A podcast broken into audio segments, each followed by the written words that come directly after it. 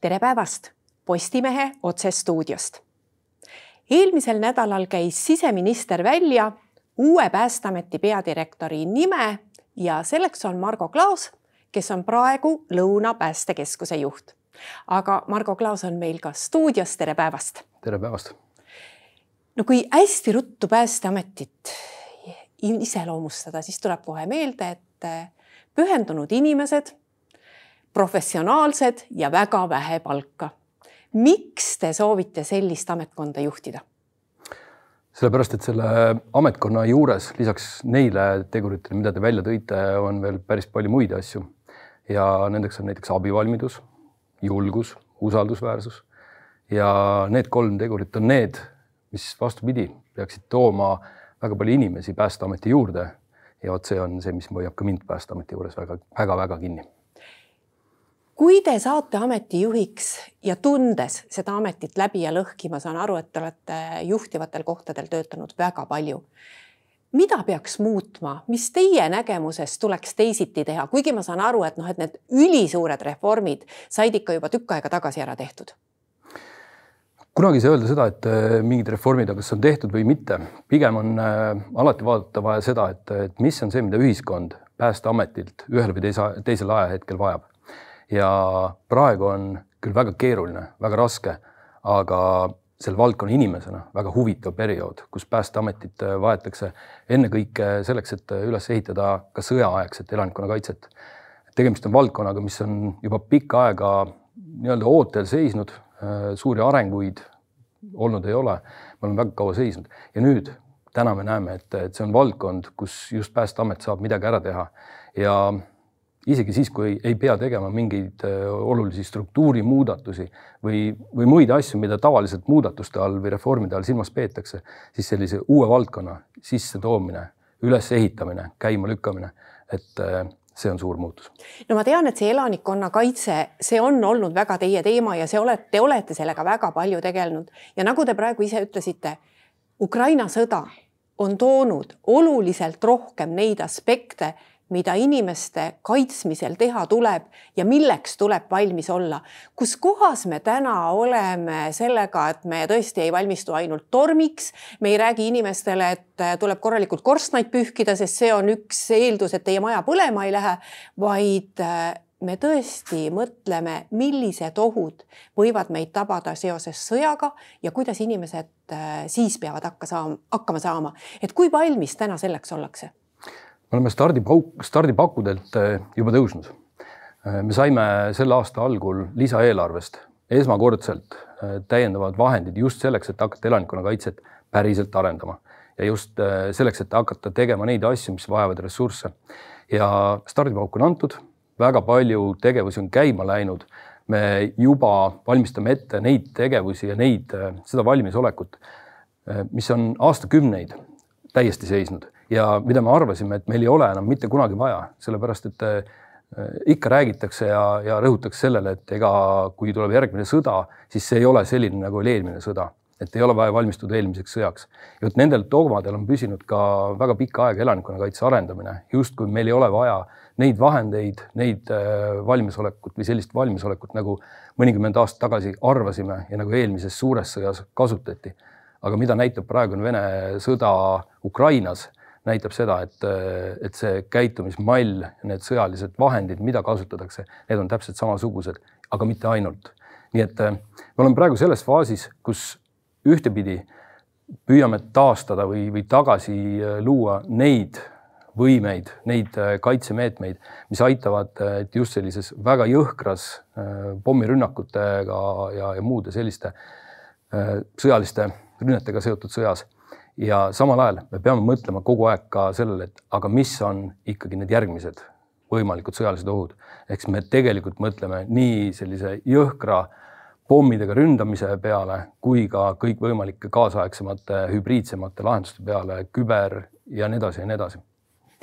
kui te vaatate täna Ukraina poole, et kuidas Ukraina elanikkonna kaitseks tegelikult valmis oli, sest ma arvan, et noh, see on nüüd see suur õppetund, et Äh, mis võib juhtuda ja, ja kuidas inimesed peavad siis hakkama saama. kuidas Ukraina ise oli valmis? olles ka ise kohtunud Ukraina Päästeameti juhiga ja siseministri, asesiseministriga ja Päästeameti juhtkond, Päästeameti liikmed on päris palju, väga sageli kohtunud praegu Ukraina kolleegidega ja nüüd paar päeva tagasigi oli Päästeametil kokkusaamine Ukraina linnapeadega, siis peamised teemad, mida välja on toodud, milles Ukraina ei olnud valmis, on näiteks varjumise valmisolek ja varud et ei ole olnud piisavalt varusid ja ei ole olemas äh, piisavalt neid varjumiskohti, kus inim-, kuhu inimesed saavad minna.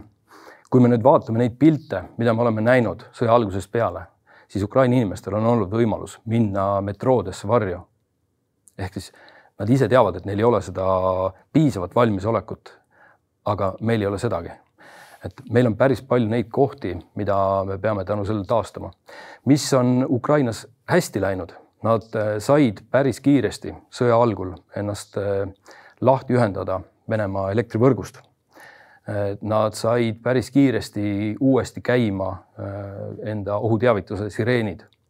Nad said päris kiiresti käima enda SMS sõnumite saatmise inimestele ja esimese poole aasta jooksul selles sõjas valdavalt on kogu see elutähtsate teenuste võrgustik seal siiski toiminud et äh, side on olemas olnud, elekter on valdavalt olemas olnud, kõik justkui toimib. nii et, äh, et need vahendid, mis aitavad äh, elanikke kaitsta, see taust on olemas olnud. alles nüüd on Vene Föderatsioon hakanud väga jõhkralt ründama ennekõike taristut ja see paneb Ukrainale hoopis teise, Ukraina inimesed ja Ukraina elanikkonna kaitse täiesti teise olukorda vastu talve no rääkides meie valmistumisest, et ma saan aru, et mis puudutab neid sireene et siis see süsteem on äh, meil kohe-kohe olemas kohe,. kohe-kohe tähendab äh, järgmise aasta suvel. no aga see tähendab seda, et aga me ikkagi praegu kohe. tegeleme. Nüüd e, edasi, mis puudutab varjumiskohti kuidas nendega on, sest see tõenäoliselt on oluliselt keerulisem, et te just nimetasite, et Ukrainas suurlinnades, kus on metroo, siis nii kaua, nii palju inimestel ikka meeles on, et noh, et äh, kui on pommirünnak, siis see on üks võimalusi minna nii-öelda maa pealt ära maa alla. ma isegi praegu ei kujuta ette, kui paljudes majades meil on nagu selliseid keldreid, kuhu minna ja, ja kas sinna on üldse mõttekas minna? Õnneks on väga paljudel majadel keldrid olemas, ennekõike paneelmajad ja peamine sõnum, mida me oma inimestele anname, et äh, kui ka Eestis peaks midagi taolist olema, et siis ei olegi vaja kuskile mujale minna, ei ole vaja minna kuskile otsima veel paremat kohta. et kui te elate paneelmajas, siis ja sellel on olemas kelder, et siis selle paneelmaja kelder üldjuhul ongi see kõige turvalisem koht, kus teil olla. selle kõrval me oleme hakanud juba selle aasta suve algusest otsima äh, igalt poolt, ennekõike suurematest linnadest, kust me alustasime, neid äh, hooneid, kus on ka olemas maa-alused keldrid, mis on piisavalt turvalised, hooned, mis peaksid kauem vastu pidama, juhul kui need just päris otsetabamust ei saa. ja me vaatame üle nende ruumide keldrid, vaatame üle nende ruumide äh, kõikvõimalikud muu, muu äh, taristu seal sees ja selle, et kas sealt ruumist on võimalik vajadusel kiiresti ka välja saada ja me oleme üle Eesti praegu juba kümneid äh, selliseid avalikke varjumiskohti kaardistanud. meil praegu käib lisaks neljale suuremale linnale ka järgmistes linnades, järgmistes omavalitsustes see töö ja me otsime koos omavalitsustega, koos Riigi Kinnisvara Aktsiaseltsiga ja järjest rohkem ka erasektoriga järjest juurde neid hooneid, kuhu on võimalik inimestel pommirünnaku ajal varju minna. ja me leiame need, neid hooneid, me leiame neid hooneid nii palju piisavalt et äh, inimesed saavad esmase varju kätte, kas koju jäädes või siis need, kes on väga ohtlikus kohas, ka avalikes varjumiskohtades. kuidas meie omavalitsused kogu sellesse süsteemi sobituvad või kuidas nemad on seda endale teadvustanud, et see on nende töö ka ja kuidas nad on valmis, et ma ei kujuta päris hästi ette, et kui Tallinnas läheb terves Tallinna linnas terveks päevaks, hullem veel kaheks äravool, kuidas selline suur linn eksisteerib siis? Laiendan seda Tallinnast. kõik omavalitsused täna on väga-väga palju juba valmisolekut loonud ja see valmisoleku loomine ei ole nüüd see, mis on viimaste aasta otsa olnud, vaid tegemist on juba kümme ja rohkem aastat toimunud ettevalmistusega. omavalitsused teevad väga palju ettevalmistusi kriisideks. omavalitsustele on sõltuvalt suurusest pandud peale erinevad ülesanded mõned omavalitsused ja just suuremad peavad olema natukene rohkem valmis selleks, et äh, näiteks kaugküte, vee, joogivee, kanalisatsiooni, nende katkestuste korral hakkama saada. ja nendes kohtades ja just suuremates linnades on generaatorid just selliste süsteemide toimepidevana või noh, toimivana hoidmiseks olemas. praegu järjest rohkem ja ka selle aasta lisaeelarve eest saavad ka teised omavalitsused neid generaatoreid endale juurde. nii et äh, omavalitsused on juba päris hästi valmistunud. kus on probleem, on see, et äh, jah, me justkui teame, et see on kõigi ülesanne ja, ja kehtib selline ülesannete jäävuse printsiip, et, et see, need ülesanded, mida sa pead igapäevaselt tegema, siis kui kriis käes on, siis sa pead ka neid jätkama. aga need tegevused ei ole eraldi rahastatud olnud. ja, ja siin, siin tekib peamine küsimus, et, et kas omavalitsused, aga ka riigiasutused, kui nad peavad tegema eelarveotsuseid, kas nad otsustavad kasutada seda nende probleemide lahendamiseks, mis on täna kohe ja nüüd ja praegu nähtavad ja käes või nad mõtlevad tuleviku peale ja lahendavad äh, tulevikukriise. et väga paljudel juhtudel võib see jääda ikkagi selliselt, et äh, tänased kriisid on või tänased äh, valukohad on natuke tähtsamad kui võimalikud tulevikukriisid. aga mis puudutab elektrikatkestust, siis ka Tallinn teab väga hästi seda, et millised on kogu linnas need objektid Äh, kus elektrikatkestuse korral kõige kiiremini probleem tekib, on need haiglad, hoolekandeasutused, äh, vee-ettevõtted ja nii edasi ja nii edasi. et äh, Tallinna linn ka koos Päästeametiga paneb väga kiiresti kriisistaabid käima, elektrienergiaettevõte tuleb ka sinna juurde ja väga kiiresti suudetakse paika panna järjekord, kus on vaja kiiresti, kiiremini taastada, kus on vaja tanklad käima panna kuhu on vaja generaatorid viia. Äh, ma ei kahtle selles, et see süsteem läheb väga kiiresti käima.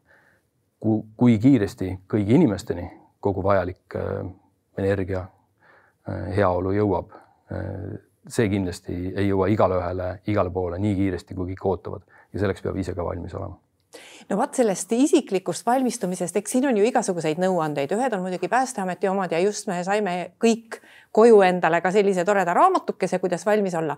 aga ilmselt mõned asjad ja mõned nõuanded, mis tulevad, võiksid teid teha ka murelikuks. ma kohe küsin kuidas te suhtute sellesse, et noh, siin aeg-ajalt kõlab ka selliseid sõnumeid, et igal korteriomanikul seal kortermajas võiks olla oma generaator ja siis tal võiks seal kusagil kööginurgas olla ka mingisugune varukütusekanister, et juhuks, kui see generaator tuleb tööle panna. no see sisaldab endas ka teatavat riski siiski mm. -hmm. päris neid nõuandeid ma loodan, et väga Keegi, palju jah. ei levitata. et elektrigeneraatorid Äh, peaksid ennekõike olemas olema korteriühistutel. Äh, et vaadake, seal on hästi selline lihtne probleem meil, äh, nii nagu Tallinna näidet või suuremate omavalitsuste näidet tõime. omavalitsused koos oma ettevõtetega saavad päris hästi käima suured pumbajaamad, saavad hästi käima ja püsivad töös kaugkütte mm, katlamajad. ja mööda linna torudes sõidab see soe vesi rahulikult ringi, aga kortermajas sees vajab see pump generaatorit. kui see pump generaatorit veel elektrit ei saa äh, generaatorist, siis see pump majas sees seda kõike ringi ei aja. nii et kortermajade mõttes ei ole vaja igal korteril endale eraldi osta generaatorit, vaid äh, ühistuga koos läbi mõelda, milline generaator sobiks keldrisse, sellesse kohta, kus on olulisemad pumbasüsteemid äh, ja, ja see lahendabki asja ära. kütuse hoidmine on omaette teema, et eh, need tingimused, mis seal juures on, neid me omavalitsustega ja korteriühistutega päris aktiivselt ka jagame kuidas meil on praegu selle SMS-teavituse süsteemiga? ma olin suvel just Poolas ja ühes piirkonnas, kuhu oli tulemas tõesti tugev torm ja kõik inimesed, kes seal olid, mina kaasa arvatud, said siis oma telefoni peale SMS sõnumi, et liikuge sellest paikkonnast ruttu ära. ma ei ole kunagi täheldanud, et meil midagi sellist oleks, no võib-olla meil nii tugevaid torme ka ei ole, aga kui kaugel meie oleme sellega, et noh, et kui on vaja inimestele nüüd tõesti ruttu teada anda, et tuleb tegutseda nii, naa või kolmandat viisi, et kuidas meie seda teeme? Neid tugevaid torme on, neid tugevaid torme tuleb ja neid hakkab tulema järjest rohkem ja rohkem. SMS teavitusega oleme me lõpuks ometi päris heas seisus. võin pool saladuskatte öelda, et sel nädalal toimuvad juba katsetused või on juba toimunud ja aasta lõpuks on SMS teavituse süsteem valmis. loodetavasti kõik testimised õnnestuvad, süsteem töötab ja hiljemalt järgmise aasta algul hakkame me inimestele neid hoiatusi saatma, juhul kui midagi toimub. et see on üks üks suur ja kõige minimaalsem asi üldse kogu sellises suures kriisivalmiduses, mida me riigi poolt oleme pidanud ära tegema ja üks suur võlg sõna otseses mõttes Eesti inimeste ees saab rahuldatud. sellepärast, et kui riik ei suuda kriisi ajal inimestele õigel ajal ja kiiresti ja kohe anda sõnumit, anda hoiatust, siis on väga raske oodata inimestelt äh, õiget käitumist ja, ja inimesed ei saagi adekvaatselt toimetada, nii et meil on peagi see asi valmis ja kogu meie kriisisüsteem on tänu sellele ikkagi korraliku sammu su, suure sammu edasi astunud no kõige suurem oht, mis võib tabada nii Ukrainat kui Ukraina lähi, lähiriike, on ikkagi see, kui kasutatakse tuumarelva. kas selleks saab normaalselt valmistuda üldse? valmistuda saab ennekõike selleks, kui see tuumapomm äh, sõna otseses mõttes pähe ei tule. Et, et kui see tuumarünnak tabab mingit piirkonda, siis lisaks sellele piirkonnale, mis tuumarünnakuga ikkagi totaalselt hävitatakse siis väga suurde ohtu satub väga suur piirkond ka ümberringi. ja valmistumise mõttes just, et, et ollagi selliseks kiirgusõnnetuseks, hädaolukorraks valmis, et seda saab kindlasti teha, jah. ma tulen korraks veel Ukraina juurde et eh, nemad ju praegu käib tohutu nende elektritaristu lõhkumine, nad üritavad seal iga hinna eest oma igapäevaelu taastada ja, ja see tähendab ju tegelikult ka väga palju päästjate abi kas Ukraina on küsinud ka abi naaberriikidelt eh, just päästjate mõttes ja kas meie oleme ka selliseid abipalveid saanud ja kui suur valmisolek meil on minema Ukrainasse? noh, ma ei mõtlegi rindele, seal ei ole päästjatel midagi teha, aga just pärast seda need paigad, mis on vaja mis on vabastatud, seal on ju tõenäoliselt eh, vaja kogu keskkond teha ohutuks. -hmm. otseselt päästjate abi ei ole Ukraina teistelt riikidelt küsinud ja põhjus selleks on ka üsna lihtne nad saavad päästjate töö mõttes oma ressurssidega hakkama. Ukraina on tohutult suur riik ja ka Ukraina päästjate arv on tegelikult väga suur. Nad on enda jõudusid esiteks ümber paigutanud, teiseks nad on väga ära prioriseerinud ka selle, et, et millised on need tegevused, kuhu nad praegu, eriti nendes ohtlikes piirkondades reageerivad, kuidas, milliste jõududega ja millised on asjad, millele inimesed iseenesest mõista ei hakkagi enam päästjaid appi kutsuma. Et, et ka see kultuur on väga oluliselt muutnud. Äh, päästjad toimetavad seal väga palju reaalselt ikkagi rindealal, sellepärast et, et iga pommirünnaku järel äh, kohe, kui, äh, kui läheb, jääb vaikseks jääb, ehk siis kui need pommid on maandunud, siis kohe lendavad päästemeeskonnad igal pool sündmuskohale ja noh, mitte päriselt ei lenda, vaid sõidavad. Ja nad hakkavad kohe rusudest inimesi välja tooma, hakkavad kohe neid tulekahjusid kustutama. Ja väga palju äh, ka seal toimub praegu neid õnnetusi, et äh, need vaenlane ootab ära, kuna päästjad kohale jõuavad ja siis tulevad, tuleb neid rakette sinna ka järgi, et, päästjad on saanud ka selliselt äh, päris palju surma. Aga me saame ka päästjatelt sealt päris palju infot, et kui palju on päästjatega traagilisi õnnetusi toimunud, nii et noh, meil on päris, päris hea ülevaade sellest äh, väga tõsisest numbrist või tõsisest arvust, kui palju päästjaid seal surma on saanud. ja koht, kus Ukraina vajab abi ilmselgelt on hoopis demineerijad. Ja see on koht, kus ka Päästeamet on Ukrainale enda abi pakkumise juba teinud, et, et me oleme valmis ka demineerijatega appi minema, humanitaardemineerimist äh, sinna tegema. et see, kas selline otsus tuleb et eks, eks see sõltub ukrainlastest vot me oleme oma jutus nüüd tõenäoliselt vaatajatele andnud väga selge pildi, mida kõike Päästeametilt oodatakse ja missuguse professionaalsusega peavad olema need inimesed, kes seal töötavad. ja nüüd ma tuleksin palga juurde. mingi palgatõusu ikkagi ju on või mingi palgatõus on ikkagi saavutatud, on see piisav? kas inimesed jäävad tööle, kui suur peab olema motivatsioon siiski, et sa nii väikese palgaga töötad üha edasi ja edasi?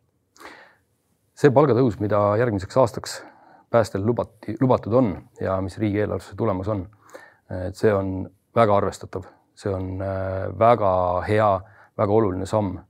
Äh, järgmise aasta mõttes ma arvan, et see rahustab praegu päästes töötavad inimesed nii palju ikkagi maha, et, et ei ole praegu kellelgi põhjust öelda, et ma lähen ära sellepärast, et see palk kas tõusis liiga vähe või see palk äh, kindlasti sinna jääb. Me kõik loodame seda, et, et see samm, mis järgmise aasta palga osas tehti, jätkub ka ülejärgmisel aastal ja me jõuame selleni, et, et päästes kõige minimaalsem palk on vähemalt üks koma kaks Eesti keskmist palka. see on väga oluline selleks, et need inimesed, kes panevad oma elu, kes igapäevaselt just, aga vähemalt kord nädalas kaalule, et nende inimeste palgad ja nende inimeste töö oleks väärtustatud. ma võin lihtsalt eilne päev mul enda regioonis Viljandi maakonnas päästjad käisid, tõid veel elusana välja, aga juba teadvuseta inimese ja inimese, kes äh, päästjate sisse saamisel me ei teadnud, mis seisus ta on. eelnevalt oli ta väga agressiivne. ta toodi välja ja päästjad sisse minnes ei teadnud, mis olukorras äh, see on, nad läksid täiesti tundmatusse keskkonda. Tartumaal eile sündmus, kus päästjad kustutasid tulekahju ja sel sündmusel plahvatas gaasiballoon. et äh, neid ohte, kuhu päästjad igapäevaselt lähevad, neid on nii palju ja nad on sõna otseses mõttes eriüksuslased, kiirreageerijad. Nad on mõne minutiga sisuliselt igal pool kohal ja peavad kiirelt tegutsema. kuidas teil praegu inimesi jätkub?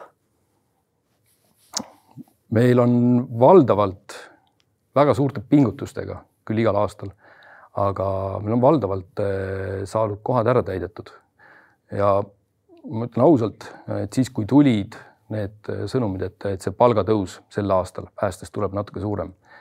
lõunaregioonis ma sain äh, lausa kolm inimest äh, päästjat, päästjaks tagasi, kes on mõne, mõned aastad tagasi läinud mujale tööle, ka Eestist ära, aga ju siis need, need sõnumid on nii palju julgustavad olnud, et, et inimesed on tundnud, et, et mind väärtustatakse senisest rohkem ja ma tegelikult tahan seda tööd edasi teha no vahepeal liikusid jutud ka sellest, et äh, häirekeskuses on ka päris pinev olukord, et ei jätku enam neid inimesi, kes äh, telefonikõnedele vastaksid ja et seetõttu istubki inimene telefoni otsas, tal on väga hull olukord, aga ei ole kedagi, kes selle telefoni vastu võtaks. on see praegu ka nii hull?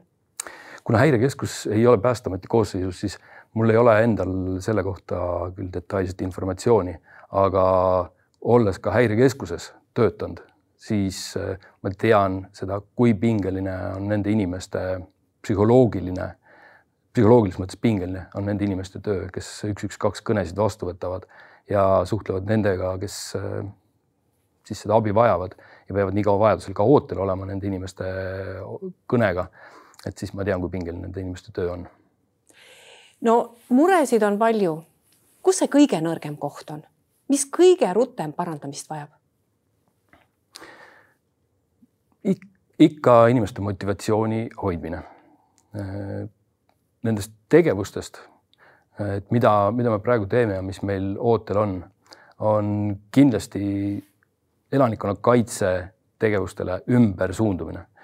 Meil viimased pool aastat suurema osa nendest inimestest, kes nüüd teevad sõna otseses mõttes ülikiireid ettevalmistusi, et, et me saaksime selle eraldatud lisaeelarve eest kõik selle oodatud uued arendused ära tehtud. Need inimesed on äh, praegu, praegu selle struktuuriga, nad on lihtsalt tohutult ülekoormatud ja esi, kõige suurem asi, mis tuleb esimesena ära teha, on siis, kui see asi tehtud saab, siis nendel inimestel pai teha